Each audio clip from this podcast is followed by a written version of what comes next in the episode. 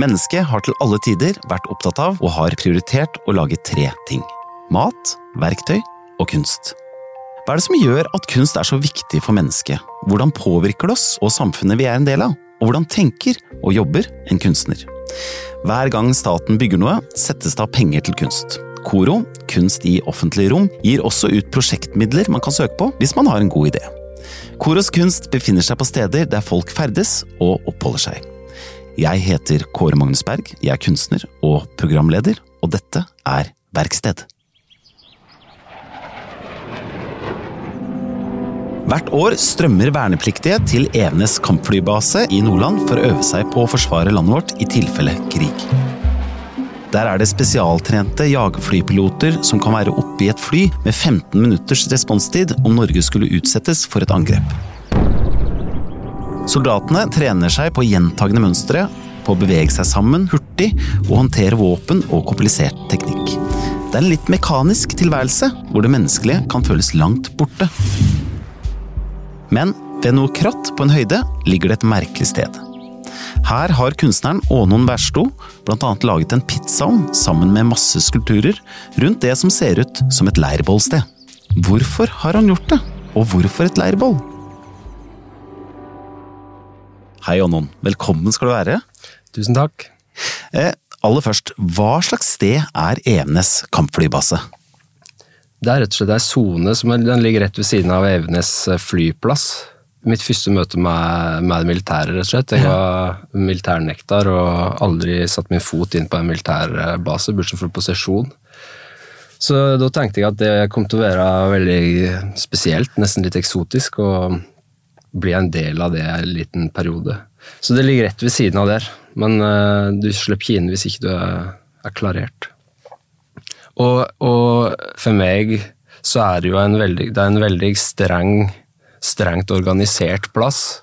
Avgrensa, inngjerda, eh, veldig tydelig slik rutenettstruktur med forskjellige avdelinger i, i, rutene, og alt som er der, er, er strengt funksjonelt.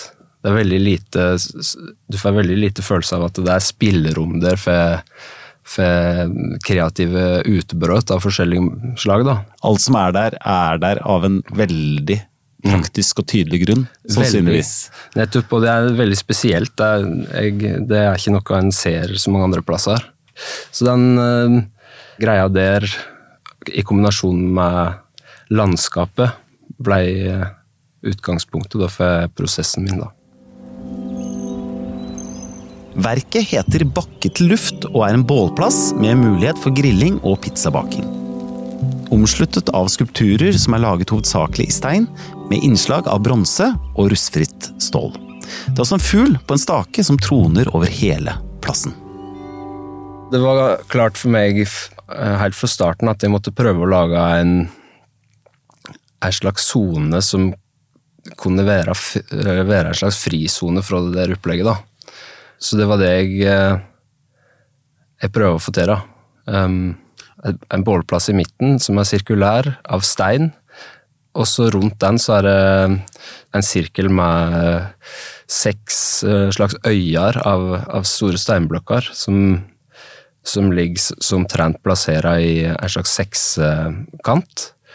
Og imellom to og to av de øyene så er det festa til å sitte på, så det blir en, en sirkulær bålplass um, med, med, tre åpninger inn da, fra utsida.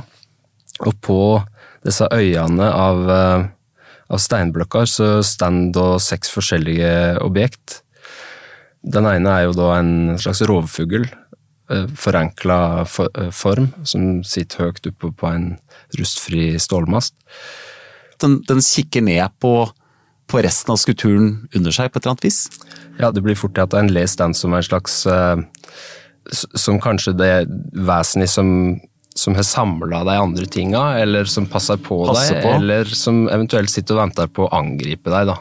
Så det er en slik eh, tvetydig eh, rolle den fuglen hever, men den, den, er absolutt det mest dominerende elementet. da. Mm. Eh, så du ser den på lang avstand. Og så er det en slags sneglehusform som aldri slutter, på en måte. Det er en spiral i begge ender, så det er en slags innkapsla sneglehusform, ganske stor i stein representerer ei slags uendelig festning. Sneglehuset er jo en ting som skal beskytte sneglen fra angrep fra lufta. da. Og det er den skulpturen som ligger nærmest fuglen, så de to eh, står i et slags slik eh, spenningsforhold til hverandre, der fuglen kanskje er interessert i den eh, formen, men han kan aldri komme inn der. Og det som eventuelt er inni den formen, kan aldri komme ut heller. Og så er det to um, vertikale former uh, som nesten ser ut som kanskje på avstand som to-tre, eller uh, Men når du ser nærmere på det, så er det, er det jo spiraler som går oppover. Og de kan jeg jo kanskje ses som, som missiler eller et eller annet som er på vei opp, som er blitt skutt da. Og så er det et, et høve som ligger på den ene steinen. Et søvende høve. Og så er det en slags krystallform og en pizzaovn. Um, den pizzaovnen er en, uh, en litt uh, Den kom sist i, i prosessen. Uh, eller den kom først og sist. Jeg fikk beskjed fra kuratorene da, at at de vil ha inn en kunstner som kan lage noe ute, og der kan det være muligheter for uteaktiviteter. For eksempel eh, kan det hende at det kanskje kan være en pizzaovn der, sa de. Men jeg fikk beskjed om at eh, pizzaovn ja, det var bare et eksempel de hadde tatt fram. da. Så når jeg leverte utkastet mitt, så var det ikke pizzaovn der. Nei. Og hva og, sa de da? Nei, da sa de Jeg, jeg tenkte liksom pizzaovn, ja vel, men bålplass ja, ja den der sone, frikobla sona som jeg ønsket å lage, da. Mm. Det var naturlig å lage et bålplass i midten, for det, det etablerer med en gang en slik selvstendig sone, mm. der du er samla rundt en ting, og der det som er utafor, kan forsvinne litt. Så det var det, det var det, jeg sendte inn som et forslag, mm, uten pizzaovn. Men da fikk jeg beskjed om at det ser fint ut og veldig bra, men, men uh, hører jeg pizzaovn, da ja. ja. Var det irriterende å prøve å integrere en pizzaovn i verket, eller på en måte ble du vant til ideen om at det faktisk måtte en pizzaovn inn der? Altså, jeg, jeg blei litt uh, litt grann irritert. Litt slik Ja vel, fader heller, må lage en pizza. da. Altså, ja. men, men, da var det jo en sak som ville bryte veldig med estetikken, da. Så jeg, jeg måtte lage en, lage en form og en, en greie der som kunne fungere som en skulptur sammen med de andre. Den er kledd i messing og rustfritt stål. Og introduserte en ekstra farge da, i messingen, men det, det passer veldig godt sammen med den patinerte bronsa. For det er jo en slags naturlig fargekombinasjon. Ånon Wærsto er en kunstner som jobber mye med objekter, skulpturer og tegning. Han er veldig opptatt av godt håndverk, og lager det meste selv i solide materialer. Ofte tre og stein.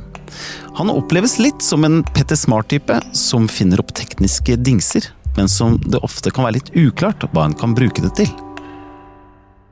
En del kunstnere som gjør utsmykninger, hva de holder på med, de, de kan jo eventuelt sende bort eh, selve arbeidet, altså i form av bestille 'dette skal gjøres', mm. osv., men, men du gjør alt selv. Ja, det, det opplevde jeg der som eh, på en måte Det var liksom døråpneren, da. Som eh, For jeg skjønte jo ikke eh, nødvendigvis greia med skulpturene, men jeg ble, jeg ble jo introdusert som, sant, som, kunstneren, da, slik, litt slik humoristisk. Men det at jeg hadde laga det, var en slags slik dere Ja, en døråpner som Ja, og da var det greit, ja. Ja, da var det ja. greit. Da var det, de, de, forestiller seg alt arbeid som ligger bak, og så mm. knytter de det arbeidet til den personen de møter. Det blei veldig entusiasme, da. For da sa de til hverandre slik Jøss, hallo, han har laga Han har hogd dette her ut i stein og stått og hogd i, i månedsvis på det her. Og det, det opplever jeg i andre sammenhenger òg, at det er en ting som kommuniserer veldig um, effektivt med, med folk, da. Inne på selve basen, i baren til befalene, henger det et annet verk av Versto, som heter Paradokspilene. Dette er våpen som er demontert, fordelt på to montre. Det ligner på pil og bue, men som en vanlig bueskytter ville blitt veldig overrasket over å håndtere. Blant annet er den ene pila slik at når den blir skutt ut, tegner den en slags graf over sin egen bue. En annen pil skyter ut en ny pil, en pil begynner å flakse, og en annen pil spiller fløyte. Hva slags våpen er dette? Altså det, det, er, det er en, en bøye der inni som er helt funksjonell, konvensjonell bøye, som, eh, som du kan bruke. Mm. Eh, Men pilene, de er Det er et slags sett da, med piler som utfører forskjellige handlinger i, i det de blir skutt ut. Og det gjør, altså Hvis man hadde prøvd, så hadde de Ja. gjort det? Ja. Ja. Jeg, jeg testa en del av dem i, i bil. Jeg måtte bare kjøre veldig fort og holde dem ut gjennom glassruta. ja. Men ja, de er laga slik at de skulle fungere, og, og utføre da disse her paradoksale handlingene som eh, kan eh, knyttes opp mot en del aktiviteter som en del folk driver med i det militære. Jeg er bare så interessert i hvordan du går frem når du lager disse tingene. Altså, hvor begynte arbeidet med dette, hvis vi skal kalle det eh, annerledesvåpenet? Altså, ideen er en slik Altså, jeg var veldig opptatt av bøgeskyting når jeg var liten, og egentlig helt, hele livet fram til nå. Eh, Jeg syns det er en fantastisk ting å, å, å dra opp den strengen og så sende et objekt ut i, i lufta, da, og se hvor det lander. Og, og så kombinerte jeg det da med den, den drømmen om å flyge, eller prøve å få til å flyge, da. Som går liksom langt, langt tilbake i tid. og du myten om Daidalos og Ikaros som fløy ut av labyrinten, og du har hele historien med utviklingen av, av flyet. Der eh, det er fullt av mislykka forsøk på veien, da. Og det du ser der, er jo at altså, Du ser umiddelbart at det, det her er et ærlig forsøk på å få til å flyge, da. Som en eller annen litt uh, oppfinnsom håndverker har gjort. gjort. Så det, den typen estetikk, da, sammen med bøgeskytinga, blei ble utgangspunkt for de objektene der. En av pilene har også samme tupp som en av skulpturene ved leirbollet. En geometrisk krystallform. Ånon har laget absolutt alle objektene for hånd, og var opptatt av å legge inn mye omsorg i håndverket. Altså, hva slags form for omsorg er det vi snakker om? Det er noe som jeg eh, i siste har tenkt at egentlig er en viktig kvalitet ved en del kunst. Det er investert mye omsorg i, i eh, mange kunstverk fra, fra kunstneren. Og, og etterkant så er det jo vanvittig mye omsorg når museet og slik tar vare på det. Men den opprinnelige omsorgen da, som kunstneren legger i en ting som, som en lager med hendene sine og med viljen og, og blikket og alt det der, i veldig lang tid, den tror jeg lader gjenstanden med en slik kvalitet som, som du kan oppleve som betrakter. Og, og den kvaliteten er jo en slik ting som Eller det er, det er et aspekt ved kunstverks og, og ved håndverksprodukt som ikke finnes så mye av på den eh, militærbasen. da. Det er, alt sammen er laga veldig effektivt og industrielt, og det blir antagelig ikke knytt så veldig sterke følelser til, til de tingene der. Det var det jeg tenkte når jeg sto der og laga disse tingene, at uh, nå former jeg dette uh, ja, med omsorg. Det, det er et godt ord, syns jeg. Mm. Men bruker du mye tid på tegnebrettet for å liksom finne ut hvordan du skal lage det, eller begynner du å lage, lage det, og så ser du hvordan det funker på veien? I det tilfellet så er det veldig for å tegne bøker i forkant, ja.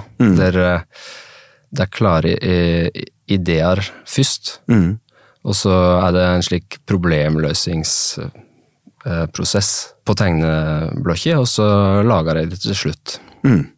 Mens eh, på de uteskulpturene så er det mer, eh, en mer intuitiv prosess, der jeg former ting mer underveis, da.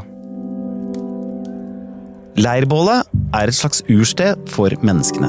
Her har vi samla oss i trygghet og stirret inn i flammene, sunget og delt historier til alle tider. Hvorfor ble akkurat leirbålet viktig for deg? Um, når jeg jobber med stein og, og, skulptur på den måten, så er det, veldig, det er et veldig langt tidsperspektiv i materialet. Det, den steintypen som jeg bruker, er, den er veldig fossilrik, så det kommer fram mye som har vært nedpakka i, i berget. Så kan du se det der i steinen. Så veldig lange tidslinjer. Og, og leirbollet er jo en slik uh, ursituasjon, da. Mm. Som fortsatt fungerer på den samme måten som det gjorde sikkert for uh, veldig, veldig lang tid tilbake det samler folk, og du får et fokus, og du får en slags ro der. Og, og det, det, å legge til rette for det er, en, er jo en måte å, å sekke hele greia litt ut av tid, da. Og, og dermed òg forsterke den, eh, den følelsen av, av ei sone som ikke er kobla til den der daglige eh, tralten på basen. Hva var kommentarene fra de som jobba der? Eh, mottagelsen, og det Jeg opplevde rett og slett gradvis at jeg, at jeg satte veldig pris på det. Når det kom opp, da. Ja. Det er liksom spesielt at det er en plass der du ikke kommer inn. Mm. uh, uten en eller annen veldig god grunn, da. Når, Idet jeg reiste ut derifra, så visste jeg at uh, her kommer jeg kanskje aldri mer inn.